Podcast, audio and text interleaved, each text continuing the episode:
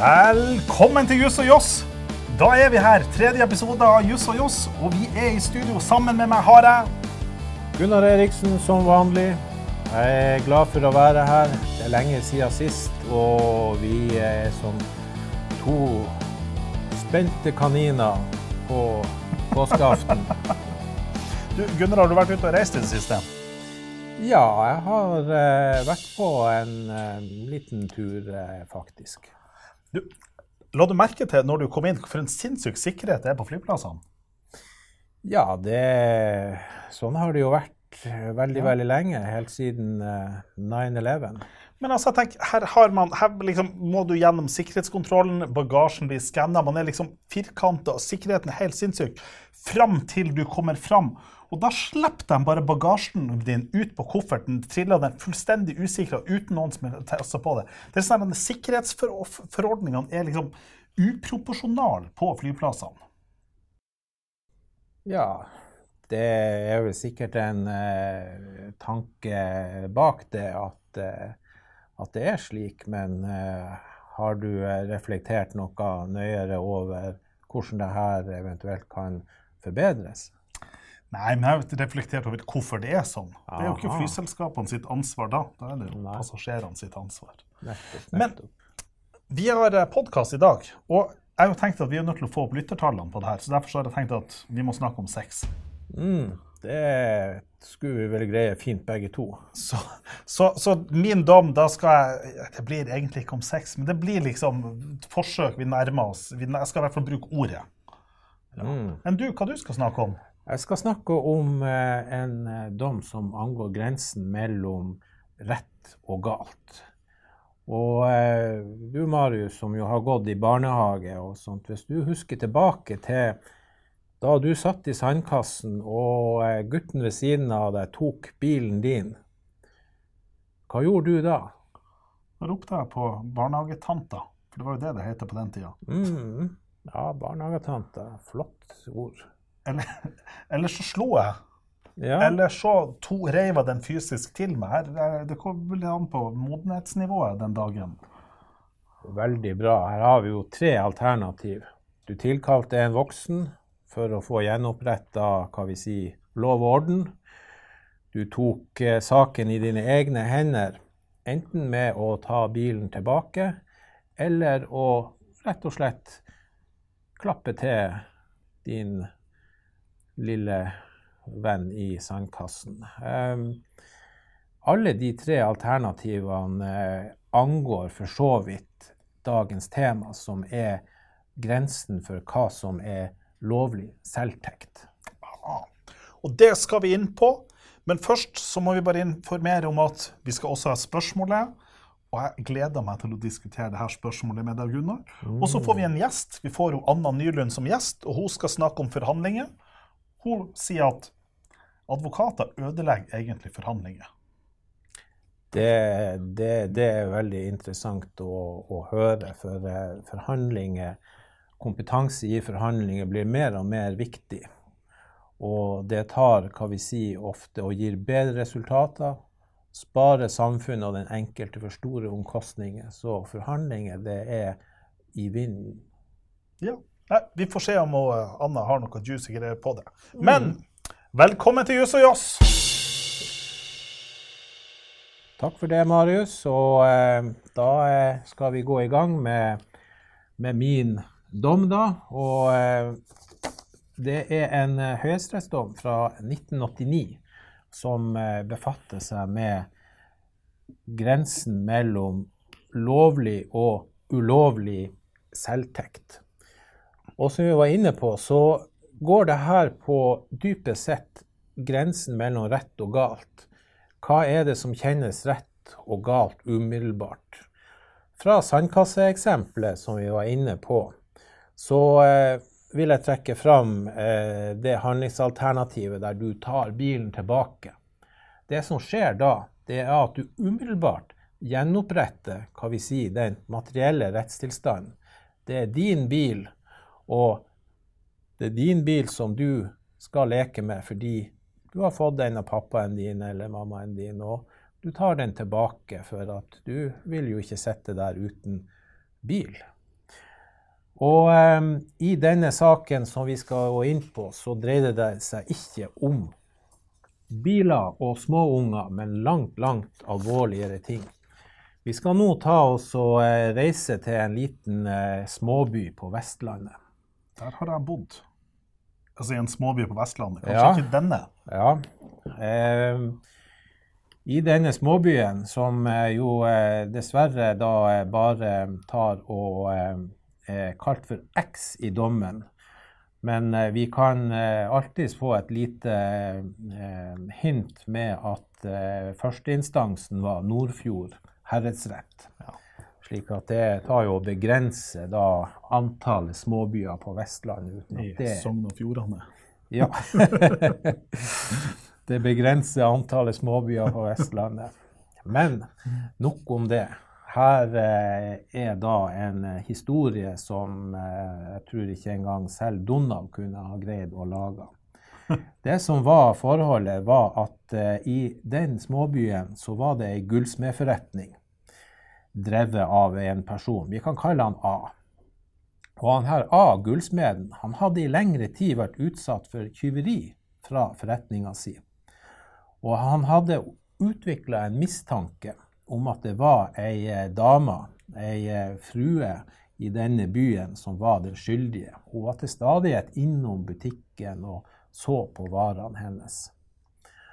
Og så, den 8. desember i 1986, så tok han og observerte hun her dama i ferd med å begå butikktyveri i ei naboforretning. Og da ble han sikker på at hun var en tyv. Det fremgår at han brakte hun til lensmannskontoret. Om hun ble med frivillig eller han rett og slett pågrep henne sånn borgerlig arrest, det vet vi ingenting om. Men på lensmannskontoret så observerte han at hun her dama også hadde enkelte smykker med seg som han mente stamma fra hans forretning. Og på lensmannskontoret ba han om at politiet måtte ransake hennes eh, bolig for å få vite om hun oppbevarte smykker fra hans forretning. Um, polititjenestemann, lensmannsbetjenten, tok og eh, sa til han gullsmeden at han mente at vilkårene for ransaking ikke var til stede etter lensmannsbetjenten sitt si oppfatning. Gullsmeden, han Mye rettsanvendelse blant lensmannsbetjenter. Det er det, Marius. Det er det. Og eh, de fleste de gjør så godt de kan. Men nå, etter besøket på lensmannskontoret, så tar saken ei uventa vending. Gullsmeden han er ikke fornøyd med politiet sin innsats i denne saken. For han mener jo da at han kan dokumentere at smykker hun har med seg, og som blir funnet på lensmannskontoret, stammer fra hans forretning. Men politiet vil ikke gå videre med den. Da tar han og bestemmer seg for å ta saken i egne hender. Og herfra går ting virkelig galt. Han her gullsmeden han tok og kjente to karer som var rørleggere. Og eh, han kontakta dem, og eh, samme kvelden så tok disse tre karene og reiste ut til hun her dama sin eh, bolig. Og de her to rørleggerkompisene ringte på og ga seg ut at de kom fra vannverket for å kontrollere vannrørene i huset. Hun her dama slapp dem inn, og mens hun dama og de andre holdt på å kontrollere vannrør, så tok han herr gullsmeden og sneik seg usett inn på soveværelset for å lete etter de stjålne smykkene. Og det som skjer, er at i et smykkeskryn på soverommet hennes fant han en del smykker som skrev seg fra hans forretning. Han tok med seg skrinet og leverte det på lensmannskontoret. Etterforskninga viste at en del av smykkene stammer fra hans forretning, og det hun dama her, vi kaller henne det, ble senere dømt i forhørsretten for tyveri. Men så er det spørsmålet at eh, var det lovlig av han her gullsmeden å sette opp det her arrangementet med de her rørleggerkompisene? De hadde tatt seg inn i en annens bolig. Altså, de hadde gjort noe straffbart. De hadde krenka husfreden. Mm. Og eh, da tar eh, vi og må se på hva skal til for å så lovlig selvtekt. Det aller første vilkåret er jo at man gjenoppretter den materielt riktige rettstilstanden. Og det var jo slik også som eh, domstolen tar også sier, at det var hans smykker som han fant på hennes soverom. Slik at det vilkåret om eh, gjenopprettelse av den materielt riktige rettstilstanden var til stede. Men, men hadde han ikke tatt med seg noen smykker i den smykkeskriven som ikke var hans også? Eller var det bare Eh, det tar eh, historien og, eh, og, og ikke sier noe om, Nei. og er, er ikke faktisk problematisert. Men det kunne jo eh, tenkes. Men eh, eh, han ble ikke dømt for si, å bortta si, smykker som ikke var, var, var hans. Så hva historien var her, om at alle smykkene hun hadde var stjålet, eller om han bare tok med seg smykker som han mente stamte fra, stamma fra si forretning, vet vi ikke. Men eh, det er mye som tyder på at han eh, bare tok med seg de smykkene som han eh, visste var hans. Han hadde vel god oversikt, da. Mm. Ja. Eh, Men hva, hva sier domstolen? jo, domstolen sier at her eh, har de forståelse for at han som en vanlig borger handla som han gjorde. Og at han var frustrert over at eh, politiet etter hans mening ikke tok og eh, gjorde nok. Og eh, det domstolen da tar og så eh, finner avgjørende her, og faktisk dømmer gullsmeden og hans to medhjelpere for brudd på husfreden. Altså de har snekket seg inn i en annens bolig, og ikke da bare krenka hun her butikktyven sin husfred, men også alle de andre som bodde. Men det avgjørende er, som Høyesterett sier, at domstolene er nødt å trekke grensene for den private selvtekt som kan anses lovlig. Og det må skje ut fra en vurdering av hva slags konsekvenser det kan få om borgerne tar rettshåndhevelsen i egen hånd når de med eller uten grunn er misfornøyd med politiet eller påtalemyndighetens rettshåndhevelse. Og eh, her sier da Høyesterett at i et tilfelle som dette, så fant de at det var uberettiget av de domfelte å skaffe seg adgang til boligen på den måten de gjorde, sjøl om hensikten var å skaffe stjålne gjenstander tilbake. Det er jo, det er jo, det er jo, det er jo interessant. Altså det her, Nå går vi jo liksom rett inn på dagens debatt om politireformen. Det her på en måte, Vi åpner opp på at når du da har de her øyene, når du da har anklager om at politiet er to timer unna utrykningstida, hvor går de her Mm. grensene? Det er klart det som skiller den her fra de utrykningstidssakene, det er jo at her har jo politiet foretatt en, en muligens uriktig vurdering. Mm, Mens i mm. utrykningstilfellene så er det at politiet ikke når fram. Og det er klart, Da har du også et aspekt ved den selvtekten. Absolutt. Og eh, det er et moment som også legges vekt på i denne dommen. Et eh, siste moment. Og i disse her eh, sen utrykningstilfellene så har det da blitt eh, lagt vekt på at man da, hva vi si, har da gjort eh, pågripelser eller selvtektshandlinger eh, på fersk, ferske gjerninger og Ja. ferske spor.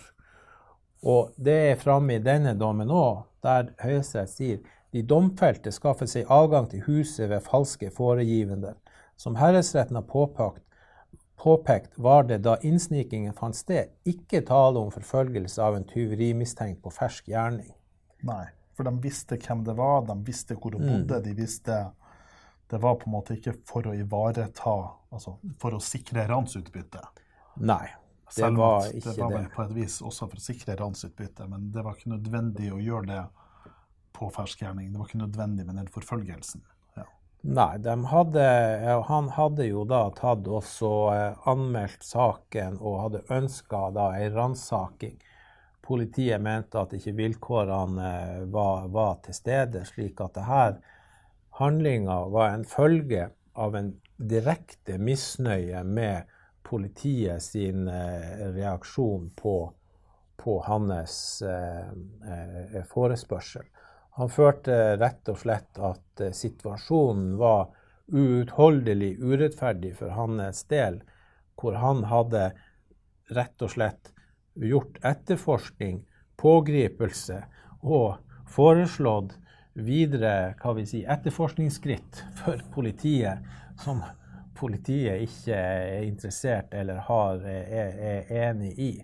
Slik at både det at han eh, har blitt frastjålet ting, han har tatt eh, hva vi sier, og pågrepet tyven på fersk gjerning, men på tyveri i en annen butikk enn hans egen, og finner som en hva vi sier, sidefølge av det tyvegods fra seg sjøl.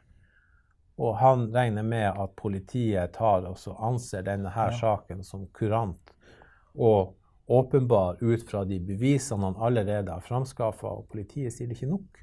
Og han bestemmer seg for å skaffe enda mer bevis, og da finner han på denne ja. eh, ville historien med to rørleggerkompiser og ringer på og sier at de er fra vannverket. Utrolig Donald Duck-løsningene. Det er Donald Duck-løsning. og eh, i Donald så blir eh, ser man sjelden strafferetten eh, eksekvert eller fokusert så, så veldig mye på. Ja. Men, men, det, jo, men det, det, er jo, interessant, for det vi jo snakker om her altså Utgangspunktet her er jo en svikt hos politiet. Mm. Um, og at politiet foretar en, en, en, dårlig vurdering. og Det er jo for så vidt det vi skal snakke om i forrige spørsmålet også. Mm. Så er det spørsmålet ja, hvordan skal vi borger, borgerne forholde seg til det? Fordi at det man kunne ha sett for seg alternativene her, så kunne han jo da Du sier den lensmannsbetjent, men samtidig ser vi på midten av 80-tallet i Nordfjord, så er spørsmålet ja, hvordan kunne han overprøve lensmannsbetjenten sine vurderinger, hvordan klagerett, hva var alternativene hans? Alternativene mm. hans er jo at man går gjennom en formell klageprosess, men da risikerer man jo at ransutbyttet mm. forsvinner. Ja. Um, og det, det var nok eh, tyveriutbytte. Tyveriutbytte, ja. altså jeg, jeg, tror nok at det var slik eh, resonnementet hans ja. var, at uh, tyven var avslørt, tyven var varsla. Og hvis hva vi sier, videre skritt mot tyven ville ha blitt fordrøya, at han som en god borger da skulle ta og klage, eller at han skulle ta og vente på noe etterforskning, så ville han aldri mer se disse smykkene. Tyven, altså, tyven ville da på klassisk måte ta også eh, eh, fjerne og forspille alle mulige bevis eh, mot vedkommende mm. og eh, ville bare sette og nekte for det som hadde skjedd. Og denne situasjonen eh, kan vi jo ha en forståelse for må ha opprørt han ekstremt sterkt. For at altså, smykker er jo dyre gjenstander. og mange forretningsdrivende har kanskje små marginer som gjør at eh, eh levebrødet deres blir, blir trua. Og eh, det er lett å Det skinner igjennom i dommen at de har en sånn sympati for den situasjonen. Men, nå, har vi ikke kommet til konklusjonen i dommen, men la meg, la meg for foregripe for Nå kjenner jeg ikke dommen. Mm. Det er jo en del av det vi gjør her i Jus og Joss, det at Gunnar kommer med en dom. Jeg vet ikke hvilken dom han har før vi er her. Men la meg nå gjette på hvordan det her blir løst. Fordi at, ja. fordi at For meg så framstår det som om at, at, det alle de gode, at han har alle de gode grunnene for å handle mm. sånn som han skal handle.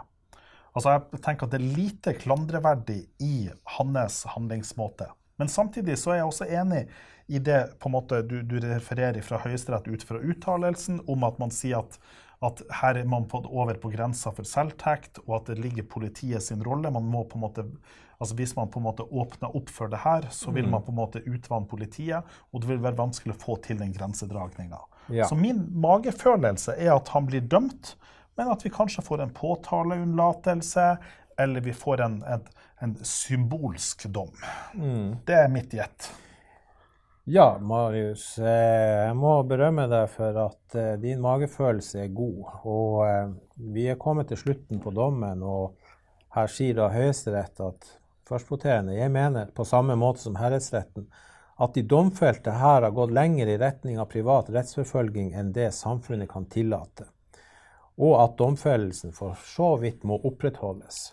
Men så sier de etter omstendighetene anser jeg det midlertidig som tilstrekkelig at dette syn markeres ved at idømmelse av straff utsettes for alle tre domfelte med vanlig prøvetid, jf. Daværende straffelov 1902 paragraf 52 nummer 1. Så um, straffen uh, ble da Den fikk altså en, en, dom på overtredelse av straffelovens daværende straffelov paragraf 355, men fikk straffutsettelse. Ja. Og det er vel det samme som en påtaleunnlatelse, bare det at her er det mm. domstolen som vedtar det. Og det er jo mm. det, var, det var en fornuftig løsning, syns jeg. Ja, det, det, var det, altså. Her eh, har man tatt og eh, røkta, hva vi sier, eh, en sentral del av retten, nemlig hvem er det som skal ta også og eh, stå for eh, etterforsking og straffeforfølgelse, påtale og eksekvering av straff. Det er samfunnet og, og ikke den den enkelte. Og her er jo da linja til rettshistorien veldig tydelig.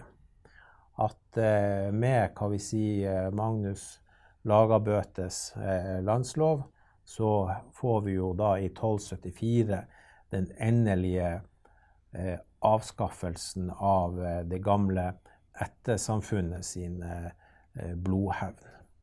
Altså at det var den enkelte slekt som skulle stå for rettshåndhevelse både av eh, mindre krenkelser og av, av, av, drap. Og nå skulle da kongen ta oss og være den som eh, eh utførte og gjorde slike handlinger. Og da er det jo bra at domstolen følger, følger opp prinsippene fra Magnus Lagabøte og drar og mm. følger opp ei nesten 1000 år gammel rettshistorie. Nettopp. Da sier vi takk til deg for Gunnars dom.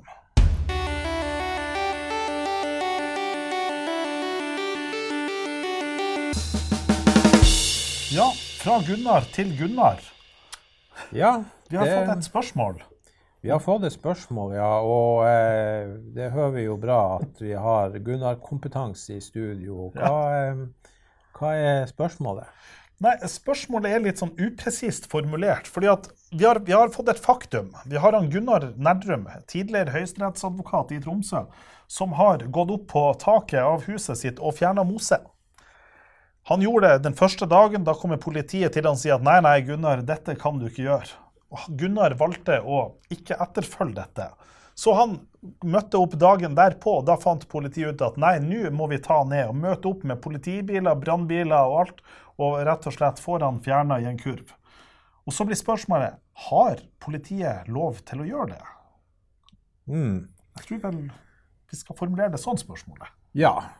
Det er jo et uh, godt uh, formulert uh, spørsmål. Og politiet har hjemmel i politiloven. Og i politilovens paragraf 7 så står det da at politiet kan gripe inn i syv nummer to for å ivareta enkeltpersoners eller allmennhetens eh, sikkerhet. Ja, Men blir ikke det en formalhjemmel, da? Fordi at, okay, fordi at altså hvis man, Når han da går opp på sitt eget tak på mm. huset sitt, så tar han jo en risiko som ivaretar seg sjøl. Og det er ingenting som tyder på at Gunnar er, på en måte, har en nedsatt kognitive evner, at han er på en måte et menneske som må beskyttes mot seg sjøl. At I samfunnet vårt så er det jo greit at man foretar en risiko på egne vegne. Altså Jeg har lov til å hoppe i fallskjerm, jeg har lov til å ta, påta meg risiko. Jeg tenker Jeg har lov til å stå i stige utenfor mitt eget hus, men hvis jeg skal leie noen inn der, så må jeg som arbeidsgiver beskytte dem og må sette opp et eller annet stillas og ivareta sikkerheten for andre. Mm. Um, så, så, så tenk at ja, sikkerhet for, for, egne vegne. tenk at Det man ikke der henviser til her. Henviser man ikke til selvmordstilfellene? Henviser man ikke til de andre tilfellene? Ja, altså Det vil jo være hva vi si, klare tilfeller der eh, man ser en person som eh, er i ferd med å gjøre noe som man med sikkerhet kan si er også vil hva vi si, skade seg sjøl eller eh, gjøre et, et, et sjøldrap. Men her er det jo en glideskala på eh, hva slags risikabel atferd er det som gir politiet tilstrekkelig grunnlag for å, å, å gripe inn. Eh, det er jo ikke umiddelbart eh, lett å lese ut av loven. Men eh, en sentral tilleggsbegrunnelse i dette tilfellet, det var jo det som nettopp går på allmennhetens sikkerhet, og som kanskje er lettere å, å, å svelge, fordi at han sto på et tak der det var fare for at han kunne ramle ned på ei eh, trafikkert gate. Ja, Kanskje for, for, huset hans er jo midt inne i Tromsø ja, sentrum. Er ikke, vi er liksom ikke på landet. Nei, sånn. så eh, han kunne ramle ned og skade folk, dyr ja, Kun land i barnevogn. Liksom. barnevogn. Han kunne kanskje ha stått i ubalanse på taket med en takstein i handa, og så har taksteinen eh, fløyet ned og, og, kunne ha skada noen, ja. slik at, eh, at, her er det jo eh, alternativ eh, hjemmelsgrunnlag. Ja. og Eh, allmennhetens sikkerhet eh, ble jo understreket eh, da fra de eh, politi og brannvesen at eh, det var særlig den som, som var i fokus. Ja, men jeg, føl, jeg føler jo at, at ut ifra hvordan faktum, faktum i, i, Tromsø og faktum i nord så klart, Her har vi en litt sånn litt upresis faktumbeskrivelse, må vi jo for det første si for mm. noe. Vi har jo ikke snakka med verken politi eller Gunnar. Nei. Det er kun medie, et mediefaktum. Mm. Men, klart, men i det faktum der så er det beskrivelse av at han er der på dag én, og da nekter han å etterkomme politiet sitt, sitt, pålegg. Og så kommer de på dag to, og på dag to så sier de til han at ja, men du kunne ramla ned og datt mm. på noen andre etter at de på en måte har henta ned i stigen. Og da sier Gunnar i avisa at oi, det har jeg ikke tenkt på, da skulle jeg satt opp et gjerde.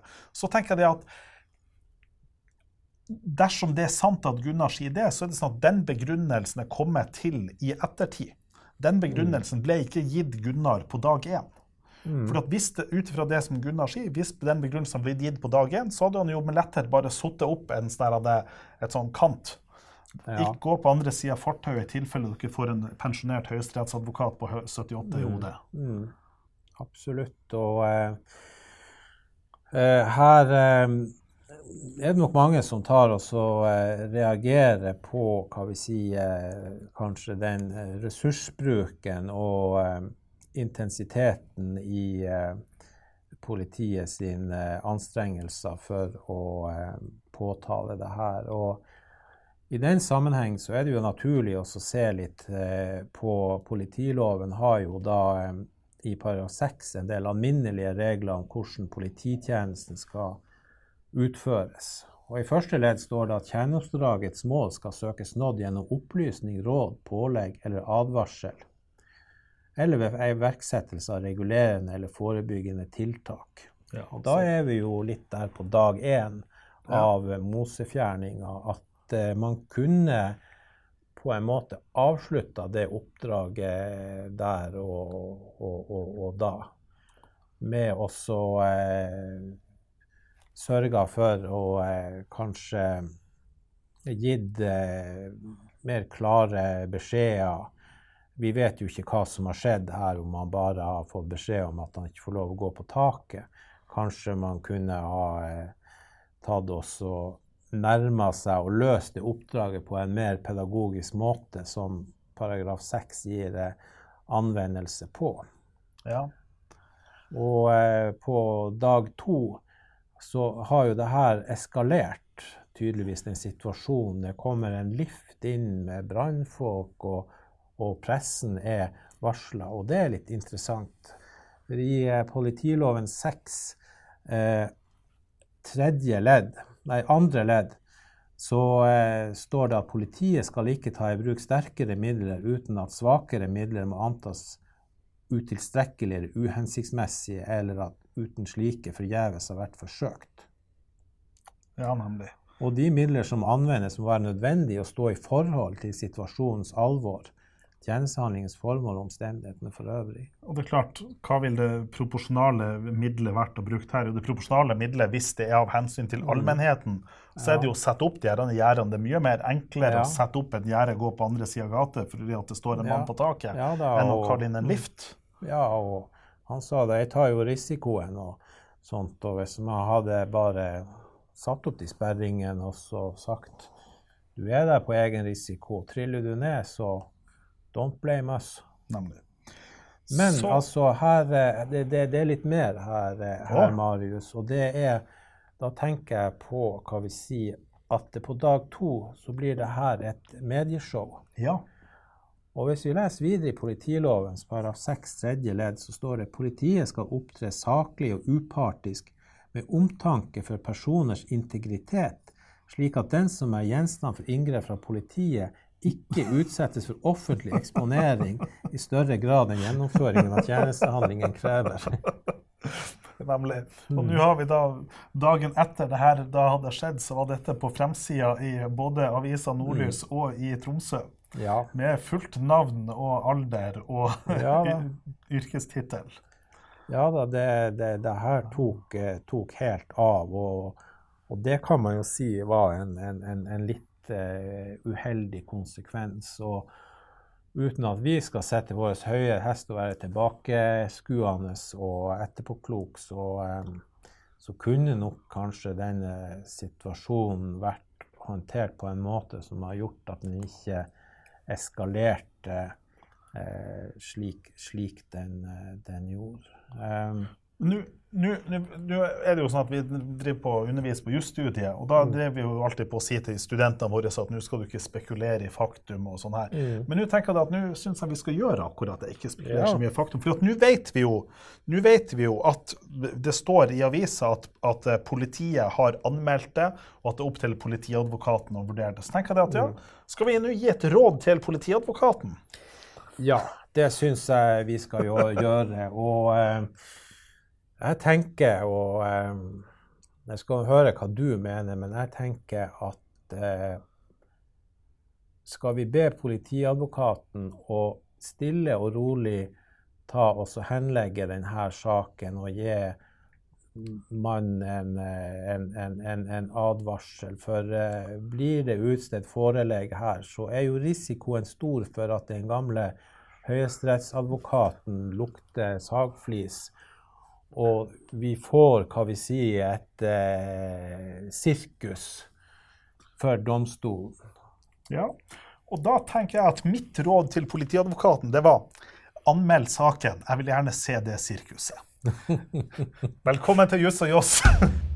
Ja, her, eh, her har vi rikelig av begge deler.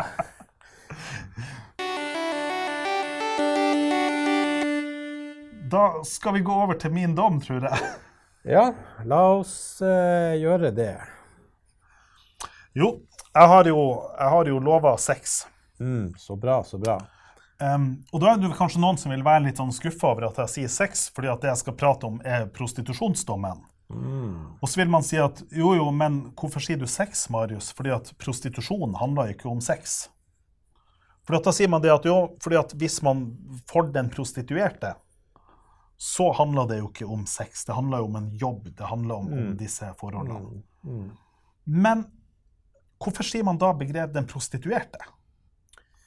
Eh, og det her er et litt komplekst, og det her dreier seg om saken. Vi må bare se litt på saken. fordi at saken her er at vi er på en sak fra Høyesteretts avgjørelse fra 2017, så den er to år gammel.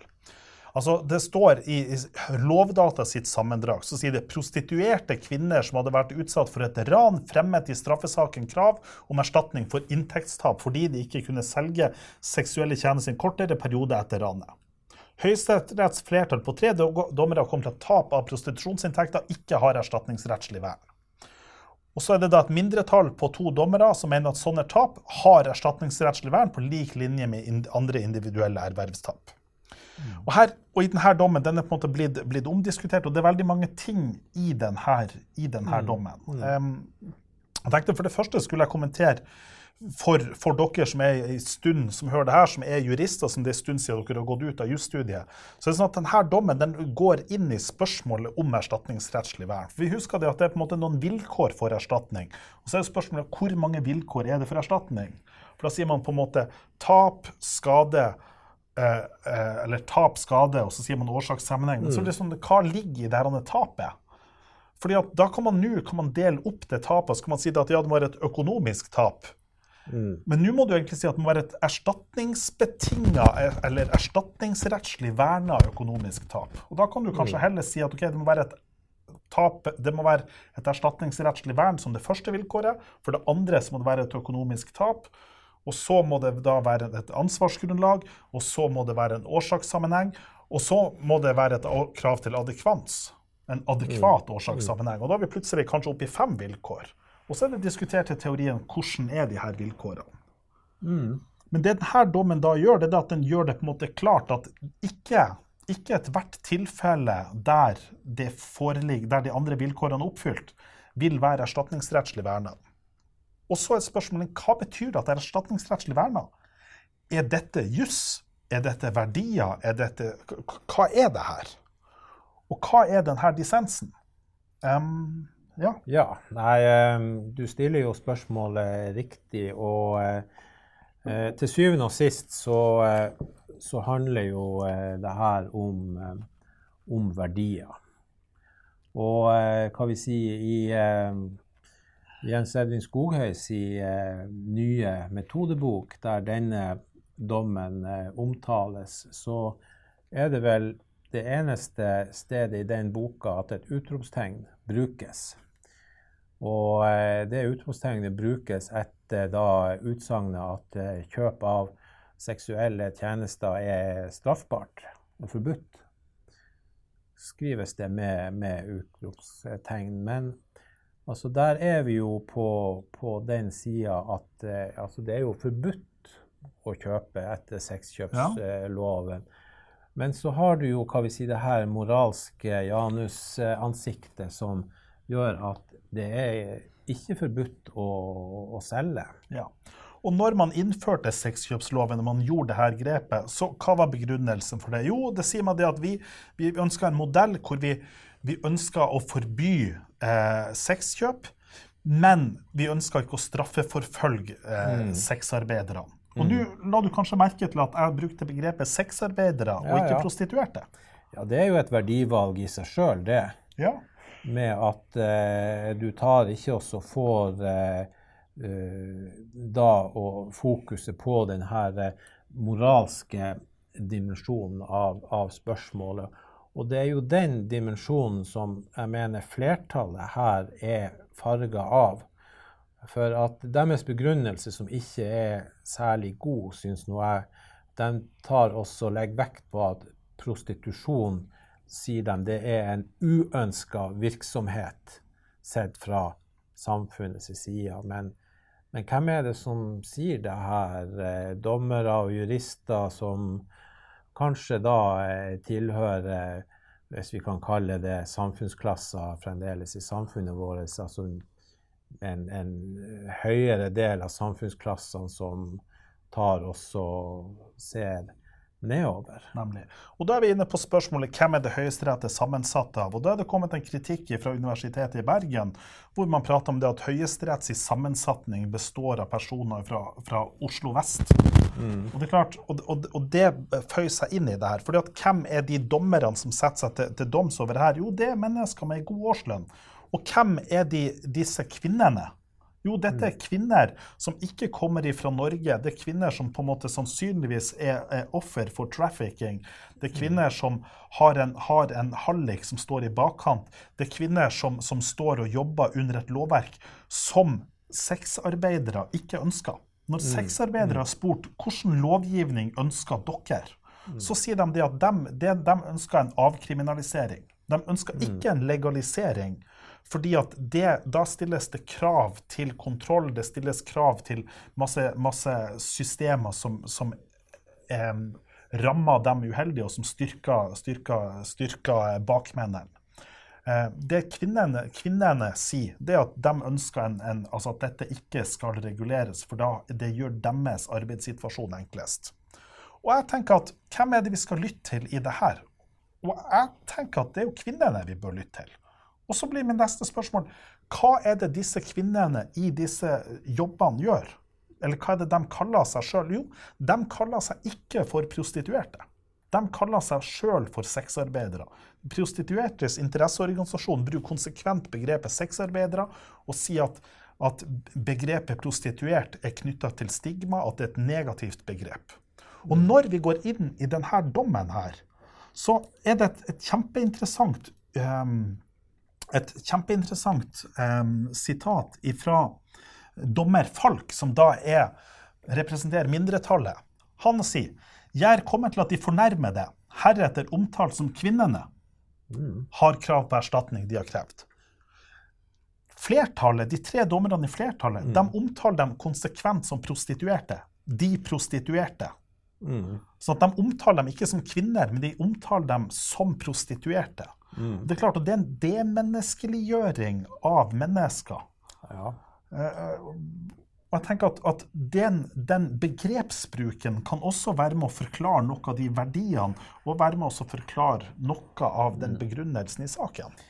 Veldig eh, godt eh, observert det der, og det er bevisst gjort av en eh, dommer Falk. Og eh, det er sjelden at man kan se så tydelige skiller i verdisyn i en dom som du gjør i denne sexarbeiderdommen. La oss nå kalle den det. Her. La oss kalle den sexarbeiderdommen. La oss kalle den det.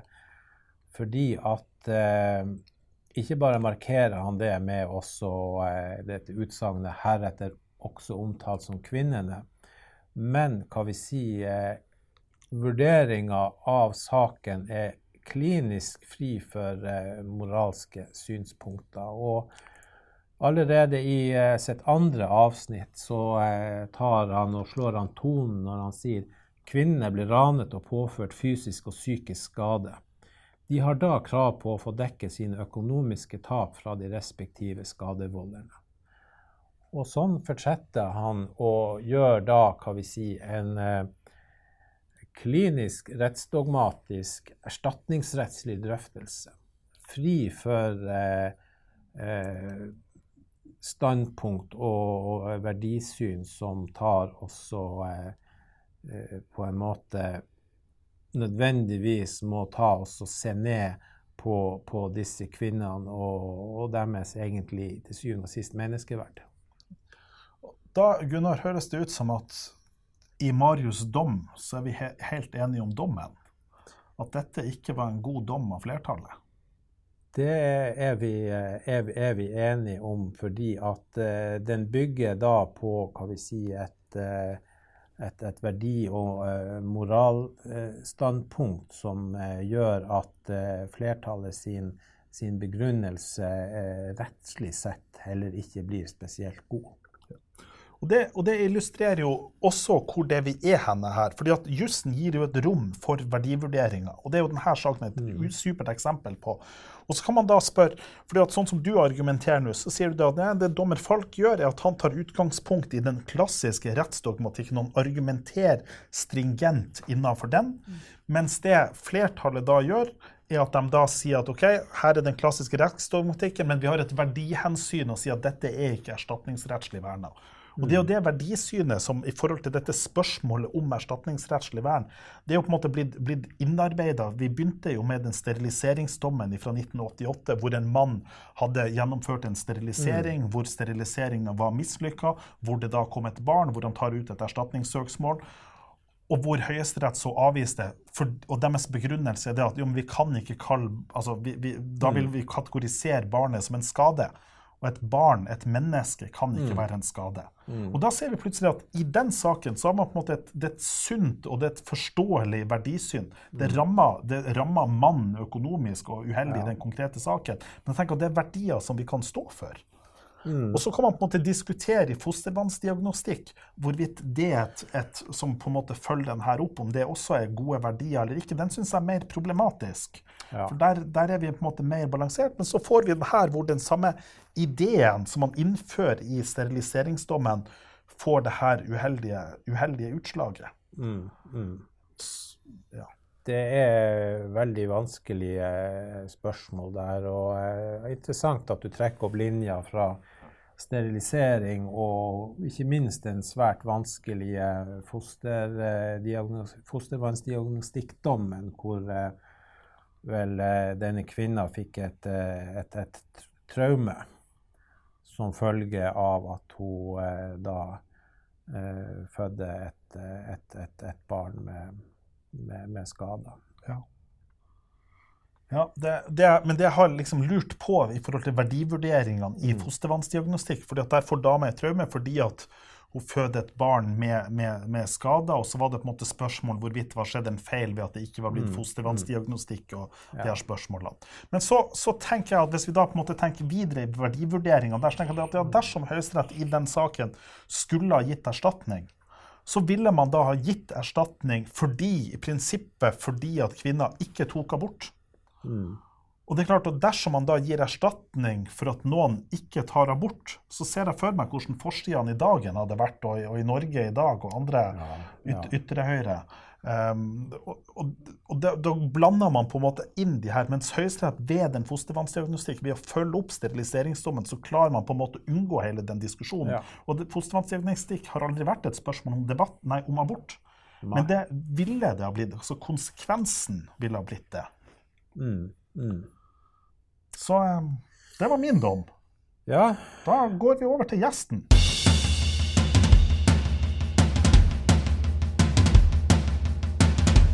Og gjesten vår i dag, det er hun Anna Nylund. Og Anna Nylund hun er en professor på UiT som kommer fra Finland.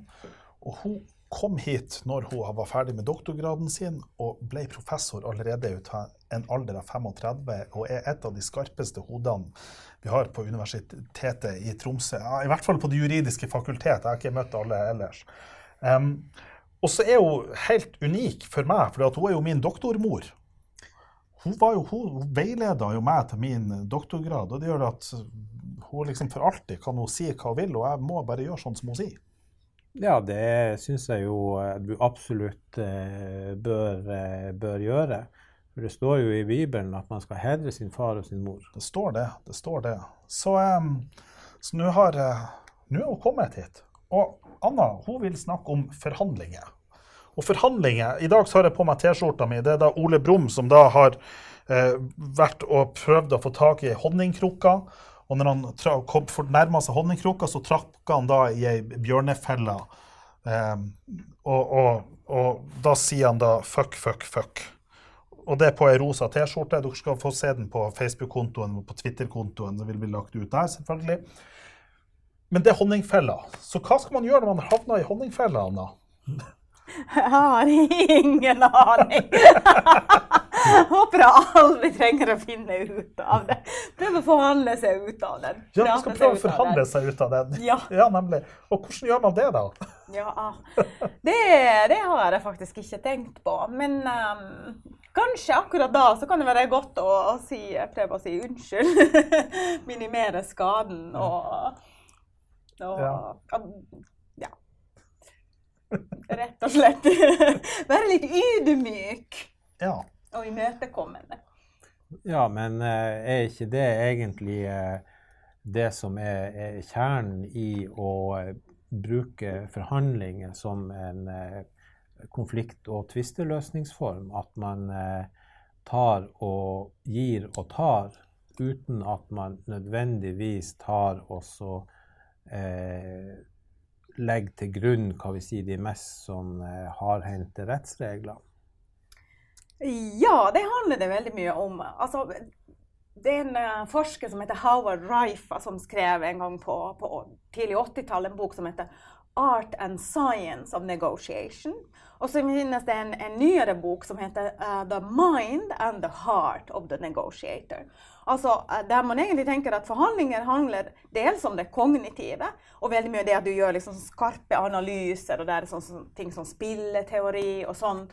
Um, der man tenker at hvordan skal man gjøre det strategisk, hvordan gjør vi det tallmessig? Men så finnes det her, eh, det, det, liksom det sosiale, det psykologiske, um, og også det er delvis kognitive, altså kognitive feil vi gjør, um, som påvirker situasjonen. Og der har jo uh, da Kahneman og Tversky de fikk jo um, Nobels pris i økonomi, selv om de er psykologer. For de forsker på nettopp sånne kognitive feil vi gjør, og det at vi ikke tenker sakte nok ja. i de situasjonene. Kahneman det er han som skrev den 'Thinking Fast and Slow'. Ja. ja. tenke sakte. Og, og, da, og da det han da beskriver den boka, det er jo at man da har to kognitive systemer i hodet sitt. Et som på en måte går raskt, et som på en måte intuitivt fordi at han sier at mennesker er lat. Vi vi ønsker å gjøre minst mulig tankearbeid. Derfor så vil vi ønske å ta avgjørelser på refleksene. Men så kan vi på en måte en, gjøre det jobb sakte, men da krever det mye mer arbeid, det krever mye mer krevende og en mye mer bevisst prosess. Det er klart at Når man da sitter i en forhandling, sitt, så uansett hva det man gjør for noe, så må man på en måte finne systemer for å unngå det intuitive systemet. Fordi at det kan vi ikke stole på i det hele tatt. Nei. Ja. Det var Kahneman. Beklager.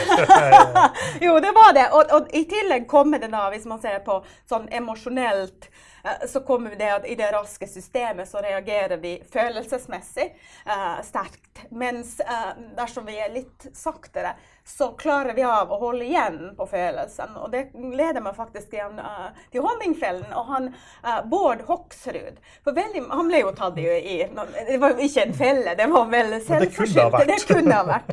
Men, men hva er hans, hans reaksjon å legge seg flat?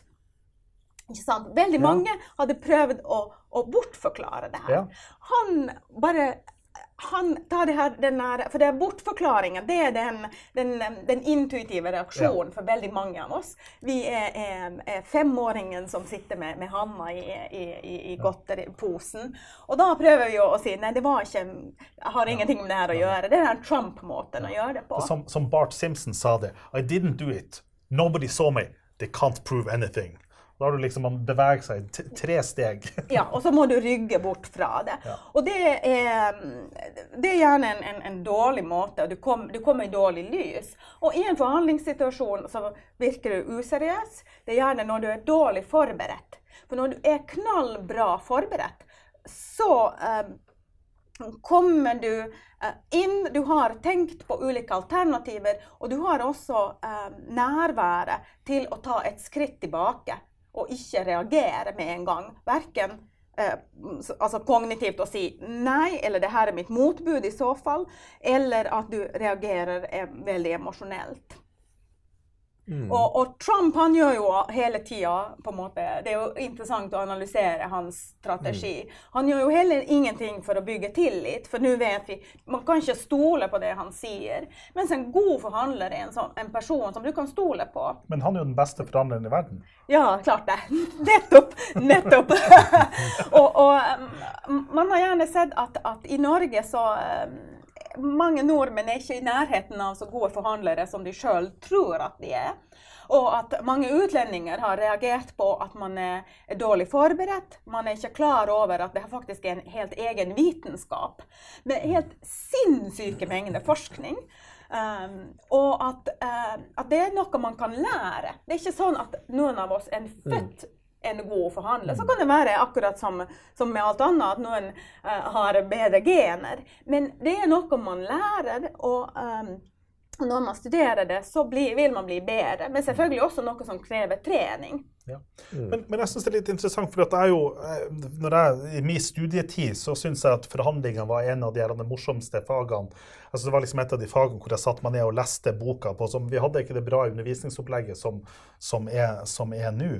Men jeg var, husker jeg var fascinert av det. Så har det vært noen anledninger i mitt liv senere hvor jeg da har hatt anledninger til å gå inn i forhandlinger. Og da ved et par av de anledningene så har jeg bare tenkt Vent litt, det her er jo en forhandling, Marius. Og dermed så har jeg da bare gått tilbake og satt meg ned på kontoret mitt og så har jeg bare åpna boka og bladd gjennom og lest gjennom og sett ja, hvordan er det jeg skal gjøre det her, og brukt, som du prater om, de, her, de rasjonelle prosessene. Og hver eneste gang så har jeg på en måte gått inn i denne forhandlinga og så har jeg tenkt ja, ja, la meg nå prøve å gjøre sånn her. Altså Det er ikke sant, det er tilbudt så her mye penger. Og så bare tenke ja, la meg nå med bakgrunn av sånn og sånn og det jeg leste i boka, kreve så mye. Og så funka det jo hver gang. Mm. Jeg har liksom vært like sjokkert hver gang og tenker at så lett det er hvis man bare Mm. Lett og vanskelig. Ja. Ja, men det er klart at, men det er klart at i, i mine situasjoner så har det liksom ofte vært sånn at den motparten som jeg da forhandler med, kanskje ikke vet at dette er forhandling. Og dermed ikke har brukt en strategi og ikke har, ikke har på en måte fått gjort de tingene. Mens når jeg har fått gjort de forberedelsene, så står jeg jo på en helt annen posisjon. Og da blir det jo nokså lett. Det vanskelige er jo Ja. når du har to stykker som driver på å spille spillet. Og det er jo sånn det vanligvis er. Eh, Ja, men, men det er også det hvordan spill spiller du? Og vi prøver jo altså, å undervise dem i den uh, forhandlingsmetodikken som er altså, helt i særklasse over enhver rimelig forskningstvil, kan vi si. Det mest effektive. Altså det du prøver å samarbeide, og du prøver å komme bort fra det her kompromisset når vi ikke vet om vi skal sette uh, sykehuset i, i Kristiansund eller i Molde. så putter vi det altså, i midt i gokk mellom de byene, som det er mest mulig dårlig for pasienter fra begge byene, fra de for de ansatte. Man kreves masse ny infrastruktur. Istedenfor å tenke at en god avtale er en avtale som er god for begge parter. Mm. Riktignok var det ikke det du hadde først tenkt deg, men det kan i beste fall være noe som er enda bedre Mm. eh, på lang sikt enn det du først hadde tenkt deg. Og at prosessen skal være sånn at du tenker at det her vil jeg gjøre på nytt igjen. Det her var en god prosess. Og da er det klassiske appelsineksempelet. Ja. Altså, ja, hvis vi har en appelsin, vi begge vil ha den, men så finner vi ut at han, eh, Marius, som er sånn kakebakemann, eh, han trenger skalle, og jeg trenger da Jeg vil bare spise innholdet. Da kan vi jo begge bruke appelsin. Mm, Um, og i beste Ja. fall så finner vi kanskje på en ny oppskrift der vi Ja. En vinn-vinn-situasjon, nye vennskap oppstår. eh, Men eh, Har jeg foretrekker vin-vin-situasjoner? ja, det Vin, vin, ja. Vin-vin, det, det, det blir eh, bare bedre og bedre. Men eh, tilbake til saken. eh, Nemlig det at å forhandle det er ikke bare å sette fram eh, tilbud eller å være i et rom sammen og snakke om saken, men det dreier seg om en, en teknikk. Og, og den teknikken eh, er det veldig mange norske advokater som overhodet ikke, ikke behersker. Og, og hva, hva slags følger får det, Anna, for, eh, for de det gjelder? Altså, for det første så tror jeg at man kommer ut med vesentlig dårligere avtale, altså plassering av, av sykehus. Men vi har eh, mange andre eksempler. Eh, som f.eks. har vi det havnebygget i Tromsø, der Tromsø havn og eh, Hurtigruta krangler istedenfor å prøve å finne gode løsninger. For det er helt åpenbart at Hurtigruta vil eh, ha et langvarig og godt kundeforhold med Tromsø havn, og eh, motparten likeså. Og liksom prøve å finne de gode eh, løsningene, de langsiktige løsningene, de som genererer eh, masse penger. Og, og det vi ser, når, særlig når det gjelder um, privatpersoner Um, altså Forskning fra USA som gjelder altså situasjoner når en pasient har blitt feilbehandla. I, I Norge så har vi jo offentlige systemer uh, som gjør det, men der er det veldig mye altså privat, og det går til mekling. da.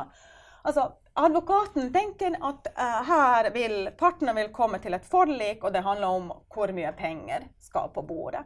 Men hvis man ser på hva partene ønsker seg, så de ønsker å diskutere hva er det, altså parten legen som har feilbehandla pasienten, eller pårørende. De ønsker å, å diskutere hva er det egentlig som har skjedd. De ønsker å forstå hverandre og møte hverandre og kunne eh, se hverandre sine synspunkter og forklare det de har opplevd, og, og hvordan det så ut fra, fra deres standpunkt. Og dersom man som advokat ikke skjønner at det her er viktig for ens klient, eh, så, så ekskluderer man den prosessen, som kan være vel så viktig.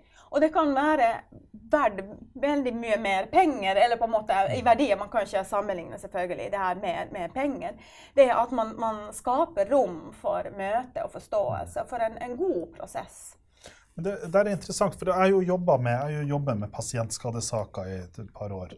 Eh, og da, og da var på en måte erfaringa mi at her kommer klienten inn, og det klienten kommer inn med, det er en klage over en feilbehandling, over en krenkelse.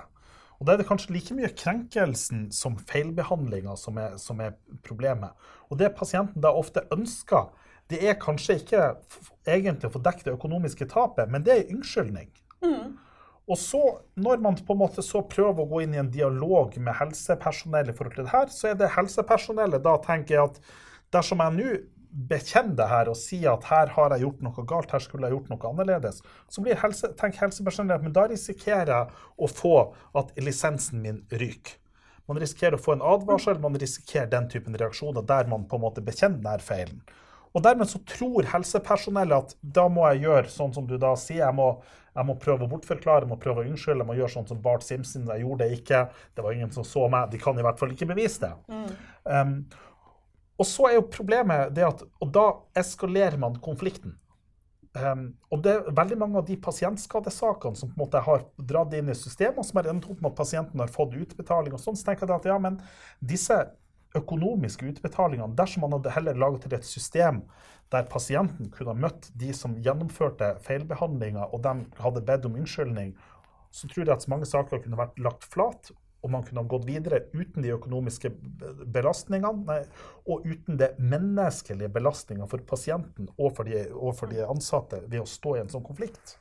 Ja, jeg tror absolutt uh, at det er veldig viktig at man, man, man, går liksom glipp av det her, og at vi som jurister burde tenke over det. at Hvordan kan jeg si unnskyld uten at jeg innrømmer uten at, Eller hvordan kan min klient si unnskyld uten at man innrømmer mm. f.eks. erstatningsansvar? Ja. Eh, mm. At, at, det er en unnskyldning. Jeg, unnskyld, jeg, er lei meg for at du opplevde det sånn, f.eks. Ja. Eh, mm. Det er en en viktig ting. Og jeg er lei mm. meg at det ble sånn. Men det måtte bare bli sånn for at det kom inn en akuttpasient som mm. gjorde at jeg, jeg måtte løpe fra mm. selv om jeg aller helst hadde blitt der. Uh, og at man, men det ser vi jo, en følgefaktor er jo det at vi ser at det ikke rapporteres inn som avvik, selv der du får erstatning fra pasientskadeerstatninga. Og at, liksom, at man tenker at, at knytte inn de juridiske konsekvensene i håndtering av feil, og at man separerer eh, mellom det å håndtere feil for læring, eh, for å, å lage, lage, bedre systemer og oppnå eh, høyere kvalitet. Men det dreier seg også om et, om et begrepsnivå. Altså jeg, jeg, jeg, skiller mellom begrepene unnskyld og beklager. Hmm. Hvor jeg tenker at når jeg sier beklager, så betyr det at jeg har empati. Jeg er veldig lei meg fordi at det, det, fikk det utfallet. Jeg skulle ønske at man kunne gjort det på en annen måte. Jeg skulle ønske det hadde fått andre utfall. Jeg møter mennesket i den situasjonen. Men det betyr ikke nødvendigvis at jeg erkjenner at jeg kunne gjort noe annerledes hvis jeg hadde vært i den situasjonen der og da, med den kunnskapen jeg hadde da. Mens mm. når jeg sier unnskyld, så betyr det at, at jeg gjorde en feil, jeg visste jeg gjorde en feil. Altså, jeg burde ha gjort noe Jeg, jeg kunne og burde ha gjort noe annerledes. Mm. Og da, altså, jeg, skiller, jeg, prøver å skille mellom de to. Mm. Prøver å mm. gjøre det bevisst. Yeah. Ja, det, det, høres veldig bra ut. Tenk nå f.eks. for det vi snakka om nå tidligere, om eh, politiet da i stedet for oss å vurdere tiltale og skrive, skrive ut forelegg mot han Gunnar Nerdrum, kunne satt seg ned sammen med han og så tatt og, og forhandla og snakka ja. ut om hva det egentlig som skjedde, og hvor det gikk galt. Eh, eh, kanskje det gikk litt galt og ei kule varmt for begge parter, som gjorde at denne eh, relativt uskyldige affæren, eh, affæren, eskalerte til en stor konflikt. Yes. Og at de kunne gå fra hverandre som som gode venner og kunne ha gjort kompromisser. At eh, politiet har sagt at, eh, at, vi tok kanskje litt hardt i, og han Gunnar kunne sagt at jeg skulle kanskje sikra meg bedre, og kanskje han blitt enig om at han, Gunnar skal ta seg et klatrekurs eller noe sånt. Men Anna, hvilke mm. råd har du til våre juristene som hører på det her, til jusstudentene som hører på det her, og alle de andre som eh, kommer til å trenge en jurist en gang. Forsikre deg om at du har en, en jurist som, um, uh, som kan forhandle, og det er jo selvfølgelig ikke så lett. Eh, men da kan det være bra å vite at hos oss så har jo alle studenter tatt det kurset i forhandlinger og mekling.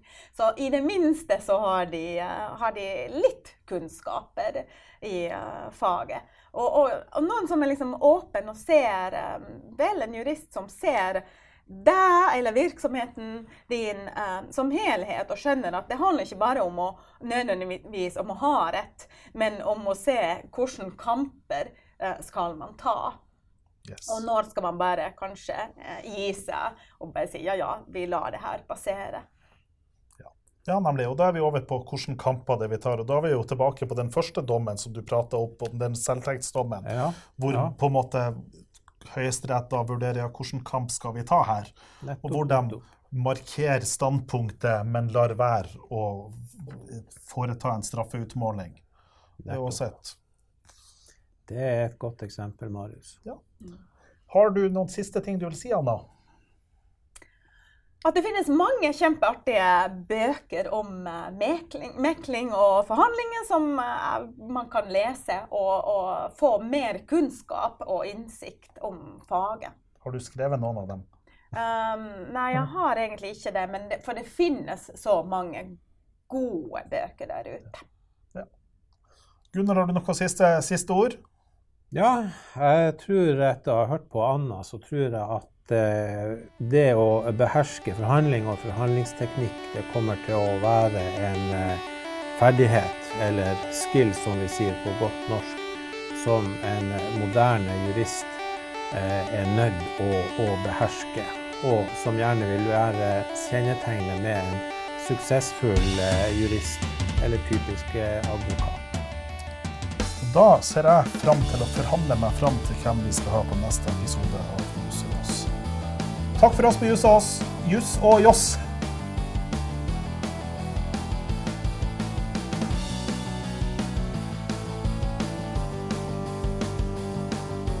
Podkasten Juss og Joss produseres i samarbeid med Result på Universitetet i Tromsø.